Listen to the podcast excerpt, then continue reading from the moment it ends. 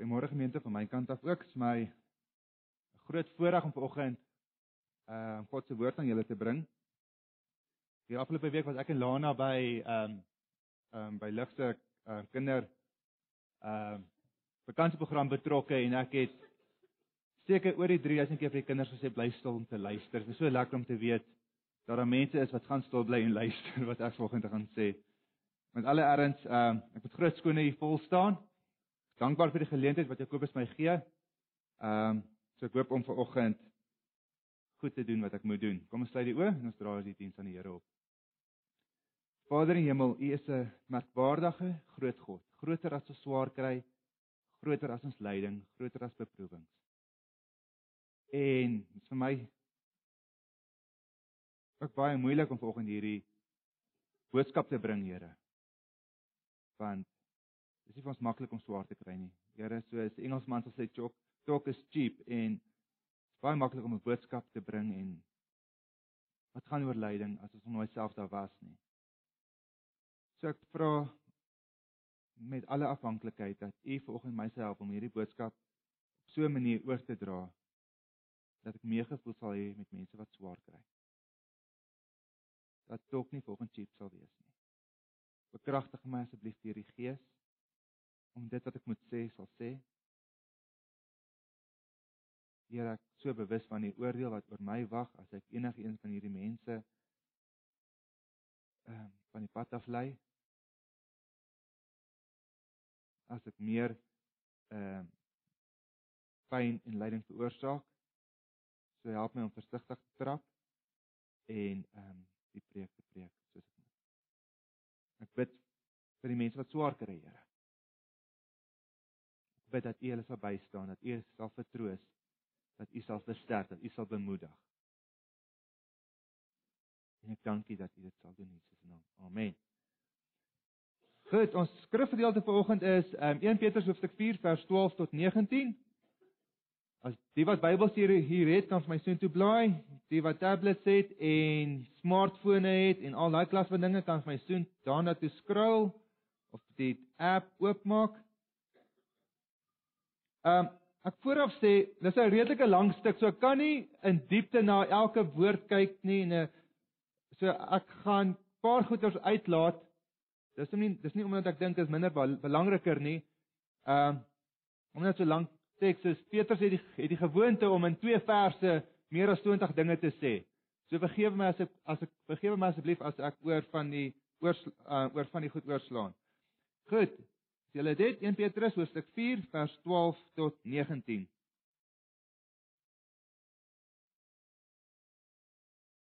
Geliefdes, moenie verbaas wees oor die vuurproef waaraan julle onderwerp word nie. Dit is nie iets vreemds wat met julle gebeur nie. Wees liewer bly hoe meer julle in die lyding van Christus deel, want dan sal julle ook oorloop van vreugde by sy wederkoms in heerlikheid. Geseënd is julle wanneer julle beledig word ter wille van die naam van Christus. Dit is 'n bewys dat die Gees aan wie die heerlikheid behoort, die Gees van God op julle bly. As een van julle ly, moet dit nie wees omdat hy 'n moordenaar of 'n dief of 'n misdadiger of 'n kwaadstoker nie. Maar wanneer iemand ly omdat hy 'n Christen is, moet hy hom nie daaroor skaam nie. Inteendeel, as draer van daardie naam moet hy God verheerlik. Die tyd vir die oordeel het aangebreek. Dit begin by die huis van God. En as ook ons geoordeel word, en dit is nog maar die begin, wat sal die uiteinde dan wees van hulle wat nie na die evangelie van God wou luister nie? As 'n gelowige beswaarlik gered word, wat word dan van 'n goddelose en 'n sondaar? Ons lees net tot sover. Um die brief 1 Petrus handel meestal oor lyding en hoe om in 'n kultuur of in 'n samelewing te leef wat verhandig gesind is teenoor Christene. Nou vanoggend gaan ons 'n bietjie gesels oor oor lyding en beproewings of pyn en lyding. En ehm um, aan die hand hiervan wil ek graag twee aanhalinge aanhaal Die een aanhaling wat ek wil aanhaal is wat Paul Paul Brand ehm ehm ehm geskryf het. En hierdie aanhaling is in ehm uh, is in uh Christianity Today die 10de Januarie 1994 op bladsy 20 uh 1 ag bladsy 21 geskryf. En Paul Brand het die volgende geskryf: Pyn en vreugde moenie gesien word as 'n uh skus, pyn en lyding, ag skus, pyn en vreugde moenie gesien word as teenoorgesteldes nie, maar as 'n siamese tweeling. Byna al my herinneringe van vreugde behels 'n element van pyn of stryd. Nou, een van my helde, John Piper, wat baie oor pyn en ehm um, vervolging geskryf het, skryf die volgende: Ek het nog nooit iemand hoor sê dat die diepste en skaarsste en mees bevredigende vreugdes van my lewe het gekom in tye van gemak en aardse gerief nie. Niemand sê dit nie, want dit is nie waar nie. Nou 'n verhaal wat Paul Brand en Piper ondersteun is die verhaal van Bernie May. Nou Bernie May was die hoof van Wycliffe Bible Translators en hy het Gedurende die tyd toe hy hoof was van Wycliffe Bible Translators, het hy 'n gesinnetjie gaan besoek wat in 'n moslimland woon. Hierdie gesinnetjie was betrokke by 100 000 moslems wat nog nooit die evangelie gehoor het nie. Hulle het 3 kinders van onder 5 jaar grootgemaak in hierdie moslimland. Eendag merk die pa op dat hulle baba seentjie betrek was met met merke wat wat gelyk het soos waterpokkies. En hy vra toe vir sy vrou ehm uh, wat se merke is op die kind? Is dit waterpokkies? Sy sê nee nee nee nee nee. Dis nie waterpokkies nie. Dit is muur muur buite muur buitlekke sy sê ons kan ons kan die mure nie van die kind af weghou nie. En hierdie merkwaardige woorde sê sy toe in 'n spottende wyse miskien sal die kind immuun raak teen die buitlekke Miskien sal die kind immuun raak teen die bytplekke. Nou hierdie gesinnetjie kom oorspronklik van die FSA af. Nou woon hulle in 'n plek in 'n moslimland waar waar die temperatuur elke dag bo 35 grade Celsius is. Hulle vriende is in gevaar omdat hier sien 'n paar Christene is. Hulle kan nie hulle ondersteuners um, um, kontak nie omdat hulle in 'n omdat hulle in 'n kritieke area is. Hulle kan niemand vra om hulle te bid nie. Hulle kinders is betrek met met bytplekke. In die dorpie waar hulle werk is daar hongersnood en siektes. En die vroutjie ly aan geweldige stres. Maar te midde van hierdie omstandighede kan hulle grap oor kan hulle vreugdevol wees te midde van van hierdie swaar kry. Nou ons gaan vanoggend na ses redes kyk hoekom ons kan vreugdevol wees te midde van lyding. Of met ander woorde, ons gaan na ses redes kyk hoe ons blydskap kan ervaar in die aangesig van swaar kry. Nou my eerste punt is kort en kragtig en dit is Wees altyd bly in die Here. Wees altyd bly in die Here. Um vers 13, 1 Petrus 4 vers 13. Wees liewer bly hoe meer julle in die lyding van Christus deel. Ek gaan net die eerste gedeelte lees. Wees liewer bly hoe meer julle in die lyding van Christus deel. Kom ek lees die tweede gedeelte ook, want dan sal julle ook oorloop van vreugde by sy wederkoms en heerlikheid. Ons later na daardie gedeelte kyk. Maar die eerste gedeelte, wees liewer bly hoe meer julle in die lyding van Christus deel. Die eerste soos ek gesê, my eerste punt is kort en kragtig. Dis baie duidelik dat vreugde te midde van pyn en lyding nie 'n opsie is nie. Petrus gee op, hy sê: "Wees liewer bly." Hy sê, hy sê nie besluit om bly te wees nie, of as jy voel om bly te wees, wees bly nie. Hy sê wees liewer bly. Wees liewer bly. Nou Petrus skryf hierdie brief vir die gemeentes in Klein-Asië. Nou hierdie gemeentes in Klein-Asië weet wat vervolging is. Hulle weet wat swaar kry is, maar dit is ook van ons ook van van toepassing in Suid-Afrika.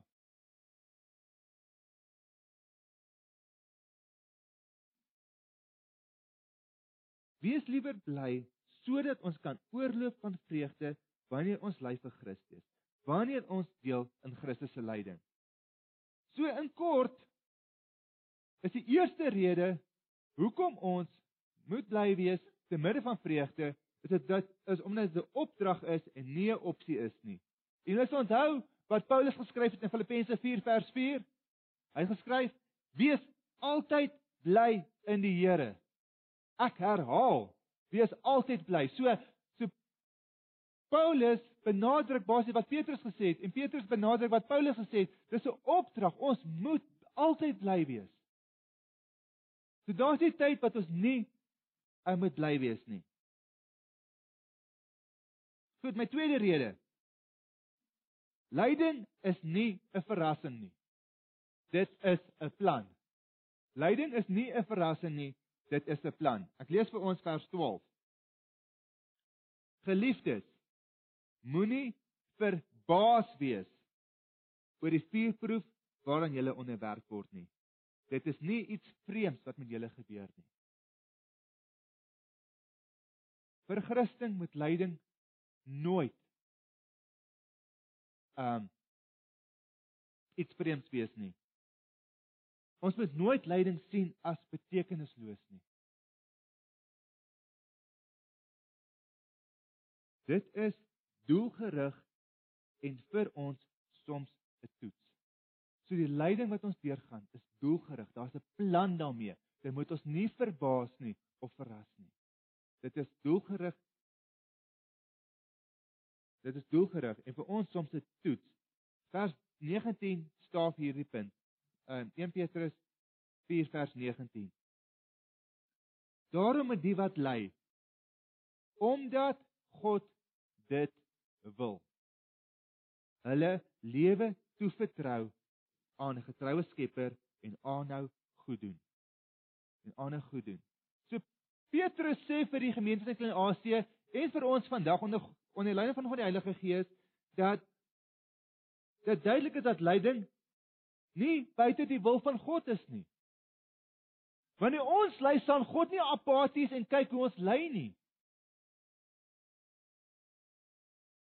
Of draai sy gesig weg as ons swaar kry nie.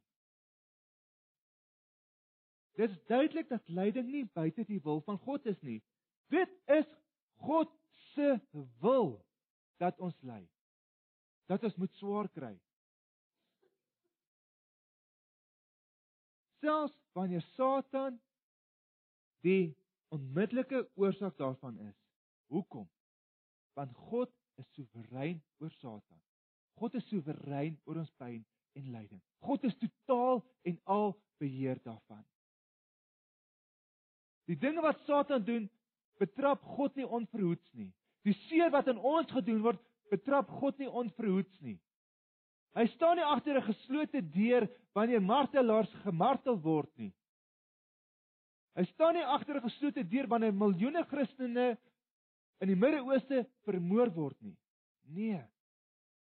Dit is sy wil dat dit moet gebeur. Maar hy is in beheer daarvan. Hy is in beheer daarvan. Dit is 'n plan. Hy het 'n plan daarmee dat miljoene Christene doodgemaak word in die Midde-Ooste. Hy het 'n plan met jou lyding. Maar luister nou wat wat wat skryf Petrus in vers 17. Die tyd vir die oordeel het aangebreek. Dit begin by die huis van God. En as ook ons geoordeel word en dit is nog maar die begin, wat sal die uiteinde dan wees van hulle wat nie na die evangelie van God wou luister nie? Die punt is dat God se oordeel oor die hele wêreld strek. Dit is nie ons in Suid-Afrika wat geoordeel word nie of in of 'n moslems in die Midde-Ooste nie of Amerika nie. God se oordeel strek oor die hele aarde. Selfs die kerk sal God se oordeel nie vryspring nie. Onthou wat wat, Petrus gesê het, dit begin by die huis van God. Dit begin in die kerk.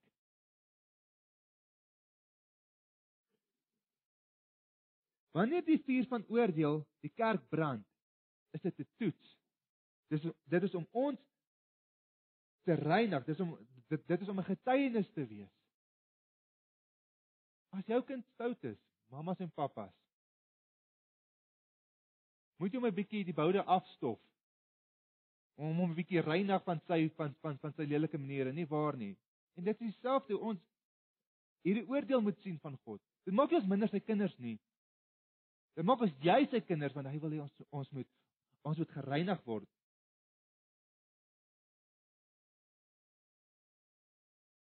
So goed, God se uh, so die kerk sal God se oordeel nie vryspring nie.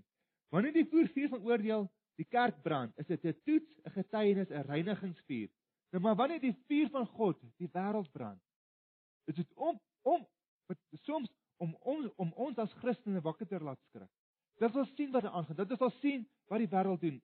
Ek weet nie of julle ehm um, die uitslag van ehm uh, van die Supreme Court, dink die Supreme Court ehm um, Vrydag gehoor het van in Amerika nie dat ehm um, dat dat gay marriages nou gewettig word in al 50 state van um, van Amerika en om Hendrik sê vir my dat die die sinode van die NG Kerk het ook gesê dat hy die ehm um, um, gay marriages uh uh, uh um, voortstaan. So wanneer God die kerk gaan oordeel, moet ons nie verbaas wees nie. Dis om die kerk te reinig. Dis dis om ons wakker te skrik dat ons sien waarheen die wêreld um heen beweeg. Of dit is om ons ja, so die vuur van God se se oordeel is om die wêreld te brand of om ons wakker te laat skrik of om of om ons te vernietig. Dan dan in vers 18 skryf Petrus hierdie merkwaardige woorde. As 'n gelowige beswaarlik gered word, wat word dan van 'n goddelose en sondaar? Nou ons as gelowiges moet ook deur die toets van God se oordeel gaan. Ons moet ook deur die toets van God se oordeel gaan. Maar nie omdat hy ons haat nie.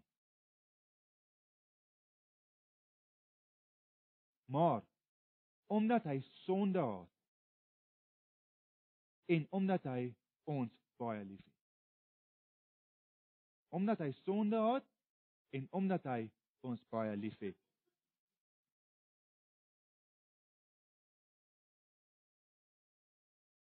So God sal sy kinders geen pyn spaar om sy doel met sy kinders te volbring nie.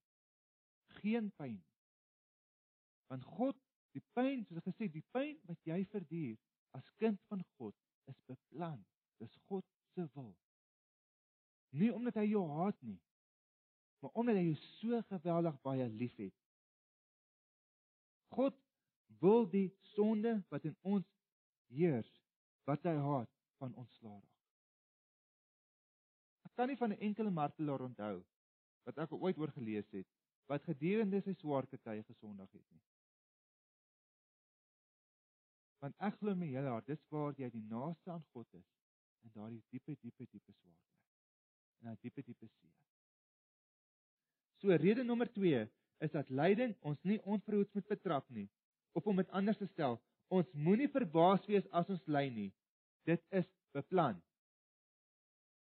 Dit is 'n toets vir ons. Dit is die suiweringsvuur.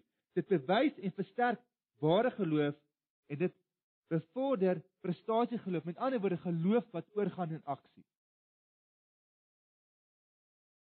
Nou, ek wil hierdie punt afsluit met met 'n verhaal van Alexander uit 'n baie vreemde van, dis 'n Russiese van Sluishenstein of iets in daai lyn. Ek gaan nie baie bother met die van nie. Nou een nag in die tronk. Uh, Alexander Sluishenstein en en 'n Jood met naam van um, Boris Konfield is 'n gevangene in in Roemenië. Nou in die tronk deel Boris die evangelie met Alexander. Nou Boris was 'n Jood en Alexander 'n Rus. En hy deel die verhaal van sy wedergeboorte met hierdie Rus. En dieselfde nag word Boris te dood geslaan met 'n knippel in die tronk. En Boris se laaste woorde was: "Lê op my 'n erfenis." Dis hy dood. En nadat hulle Boris uit die tronk uit gevat het, seker gaan begrawe het, ervaar Alexander die eerste keer in sy lewe 'n tikkie goed in hom. En op verrotte gevangenes strooi, prewel hy hierdie volgende woorde: Geseend is hierdie gevangenes vir die feit dat dit vir my lewe gegee het. Geseend is hierdie gevangenes vir die feit dat dit vir my lewe gegee het. In 'n donker tronksel ervaar ek Alexander Iets van God se goedheid. So ons as gelowiges het 'n sterk hoop. Lyding bring in ons eie dag suiwerheid en ware geloof. Lyding moet ons dus nooit verbaas nie. Dit is doelgerig beplan om ons te suiwer van sonde. Rede nommer 3. Hoekom ons vreugdevol kan wees wanneer ons ly is ehm um, ehm um, vir Christus is omdat lyding 'n groter middel is tot blydskap. Lyding is 'n groter middel tot blydskap en heerlikheid. Nou vreugde is 'n uh, vreugde is 'n versekering dat wanneer Christus kom in sy heerlikheid, ons vir ewig saam met hom gaan wees. Om hierdie punt in die staaf lees ek vir ons uh 1 Petrus 4 vers 13b. Nou ek het nou net gesê ge, uh gelees wees liewer bly hoe meer jy in die lyding van Christus deel. Dan die volgende gedeelte gee ons 'n rede. Want dan sal jy ook oorloop van vreugde by sy wederkoms in heerlikheid. So daar's 'n definitiewe rede. Wanneer ons ly vir Christus, sal ons oorloop van vreugde by sy wederkoms. Nou let op die woorde, want dan sal jy oorloop van vreugde. Oorloop van vreugde. Met ander woorde, as ons nou vreugde ervaar in die aangesig van ons swaar kry, in die aangesig van lyding, in die aangesig van vervolging, wanneer ons nou lyding ervaar, sal ons vreugde vermenigvuldig word by Jesus se wederkoms. Ons vreugde sal vermenigvuldig word. Daar sal geen eind aan ons vreugde wees nie. So ons vreugde ga, uh, gaan geen perke ken wanneer ons hemel toe gaan nie. Omdat ons hier en nou vreugdevol was wanneer ons ly vir Christus. Wanneer ons ly vir Christus.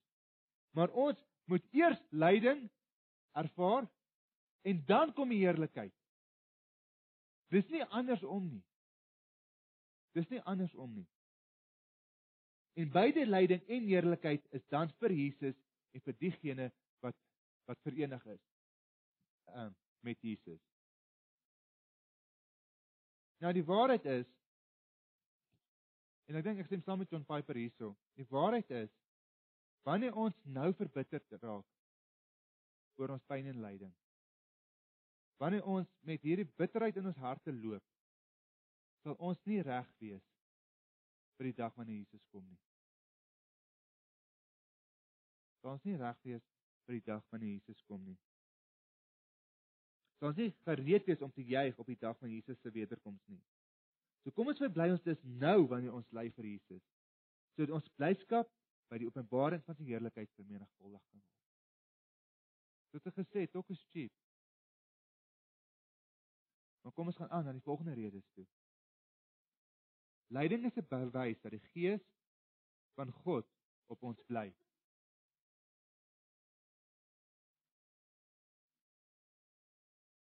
Vers 14 van hoofstuk 4.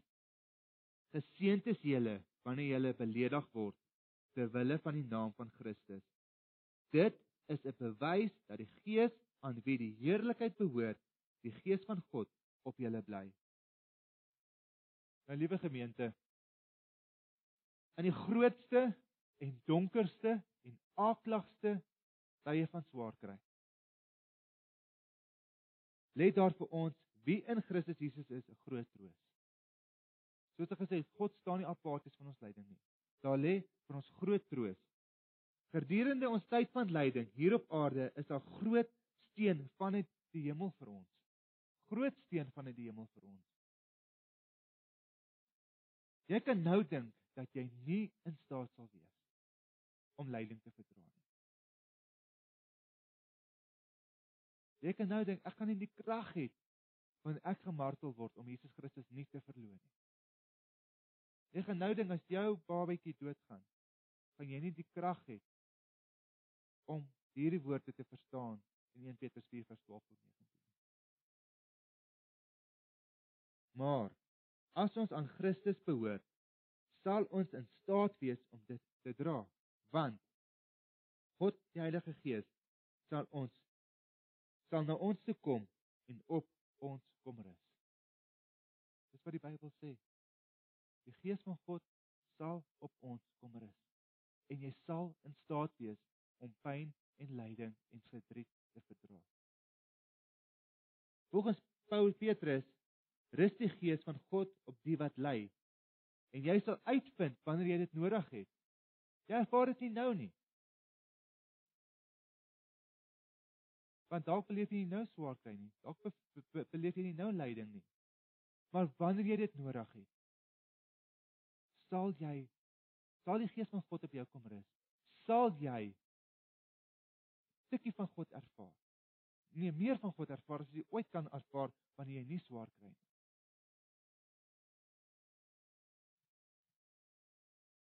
So God se gees sal in jou open sal in jou uh genoeg van God openbaar en jou siel bevredig en jou deurdra. Ons moet God vertrou dat hy sal doen wat hy sê. Daarom wil ek elkeen van ons aanmoedig om heilig te lewe. Om te streef na heilige lewens. Om na die waarheid te soek. Om na die waarheid te soek. En om te getuig van dit wat Jesus Christus vir ons doen en moenie wegdraai van risiko's af nie. Moenie wegdraai van risiko's af nie. Waag dit Liewe nie gelowiges is hier is nie om vir Jesus Christus te aanvaar as jou verlosser. Waag dit om te ly vir Christus. Waag dit om op te staan vir die waarheid.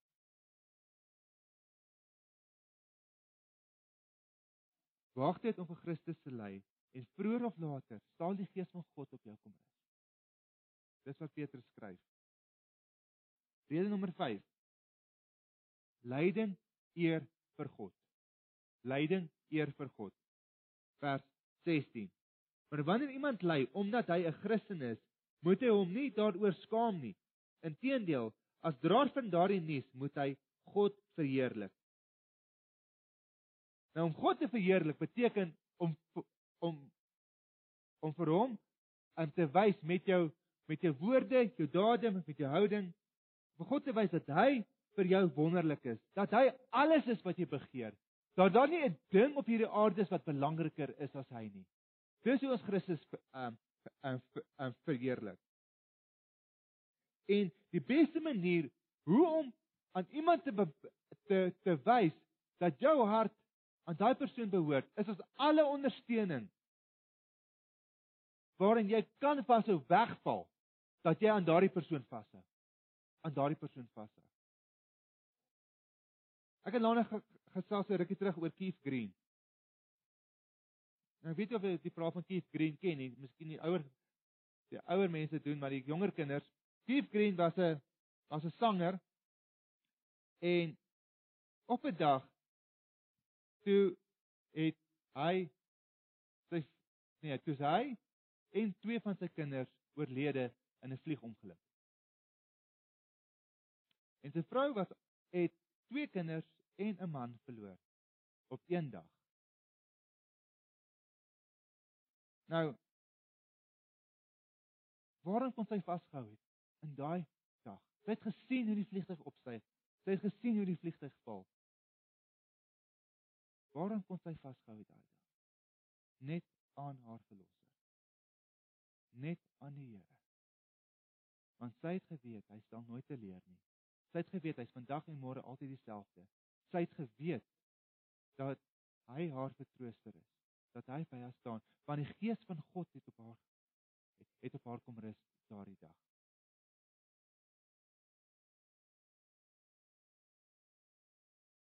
Okay, so wanneer jy aan Christus Jesus vashou en vol blydskap is te midde van lyding, wys jy dat God en nie ander dinge die groot bron van jou vreugde is nie. My laaste rede. Ons kan bly wees wanneer ons ly, want God is getrou. Hy sal vir ons lewe sorg. Vers 19. Daarom moet die wat ly, omdat God dit wil, hulle lewe toevertrou aan die getroue Skepper en aanhou goed doen. Nou die grade van lyding, die grade van swaarkry gaan verskil van persoon tot persoon. God weet ook tot waartoe ons in staat is. So, dit gaan verskil van persoon tot persoon. Maar een ding wat ons almal in gemeen het, is dit. Totdat Jesus Christus kom, gaan van ons doodgaan. Dit is 'n realiteit. Geen een van ons weet wanneer ons laaste dag is nie. Ehm um, En as jy tyd het, as jy nie op slag dood is, gaan gaan nie, as jy miskien ly aan kanker of so iets, gaan jy op die, op jou bed lê en jy gaan sien hoe jou lewe verby jou gaan flits. Wanneer jy gaan nadink of jy jou lewe goed bestee het of nie.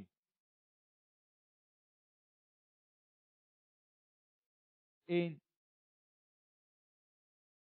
En jy gaan sidder by die onuitspreeklike werklikheid dat jy in 'n paar oomblikke God van aangesig tot aangesig gaan sien.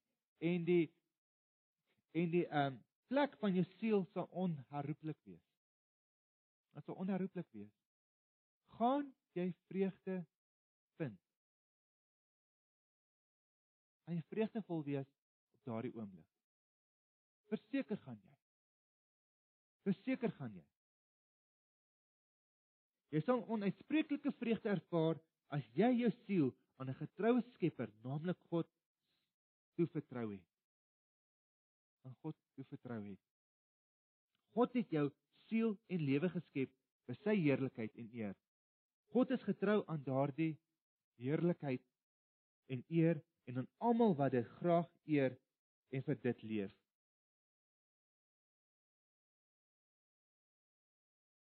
Vriende, Jesus Christus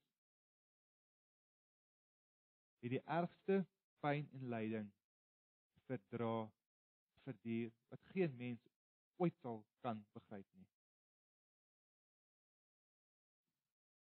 Hy het bespotting verduur. Hy is aan 'n houtkruis vasgeslaan vir die wêreld se sondes.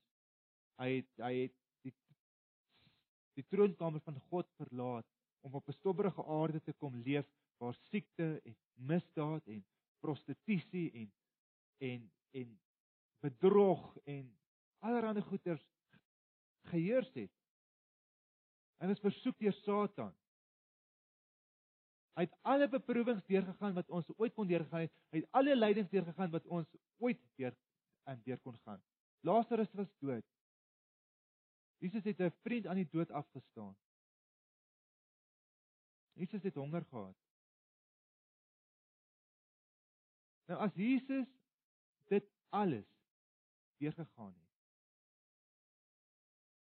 En en en omdat hy dit alles deurgaan het, weet hy wat dit behels. Hoeveel te meer sal nie by ons wees wanneer ons ly nie. Hoeveel te meer sal hy ons ondersteun daarin. Dis wat gesê het dit is die wil van God, want as Jesus lyding en pyn en uh, pyn en lyding moes deurgaan, hoekom nie ons nie? Want hy het geweet wat is die pad vorentoe vir jou. So, kom ons vertrou hom. En kom ons vind ons vreugde in die Here al moet ons ly vir hom. Al moet ons ly vir hom. Kom ons as Antipas ly goed vir die Here. Amen.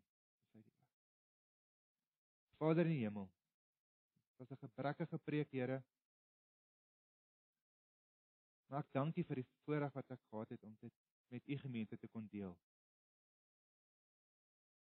Here my God, ek wil vra dat dat ek dit wat vanoggend gesê het dat dat u dit sal gebruik in elke persoon se hart. En Jesus mag u u self verheerlik. in ons midde. Amen. Ek het 'n kort video wat dit wat ek pas gesê het baie mooi opsom. Ek wil julle ek wil julle moet daarna kyk en luister. En as die video klaar is, dan kan musiekspan ehm um, nader staan vir die vir die vir die, vir die slotlied en dan sal ek dit die seën uitspreek. Net die video asseblief.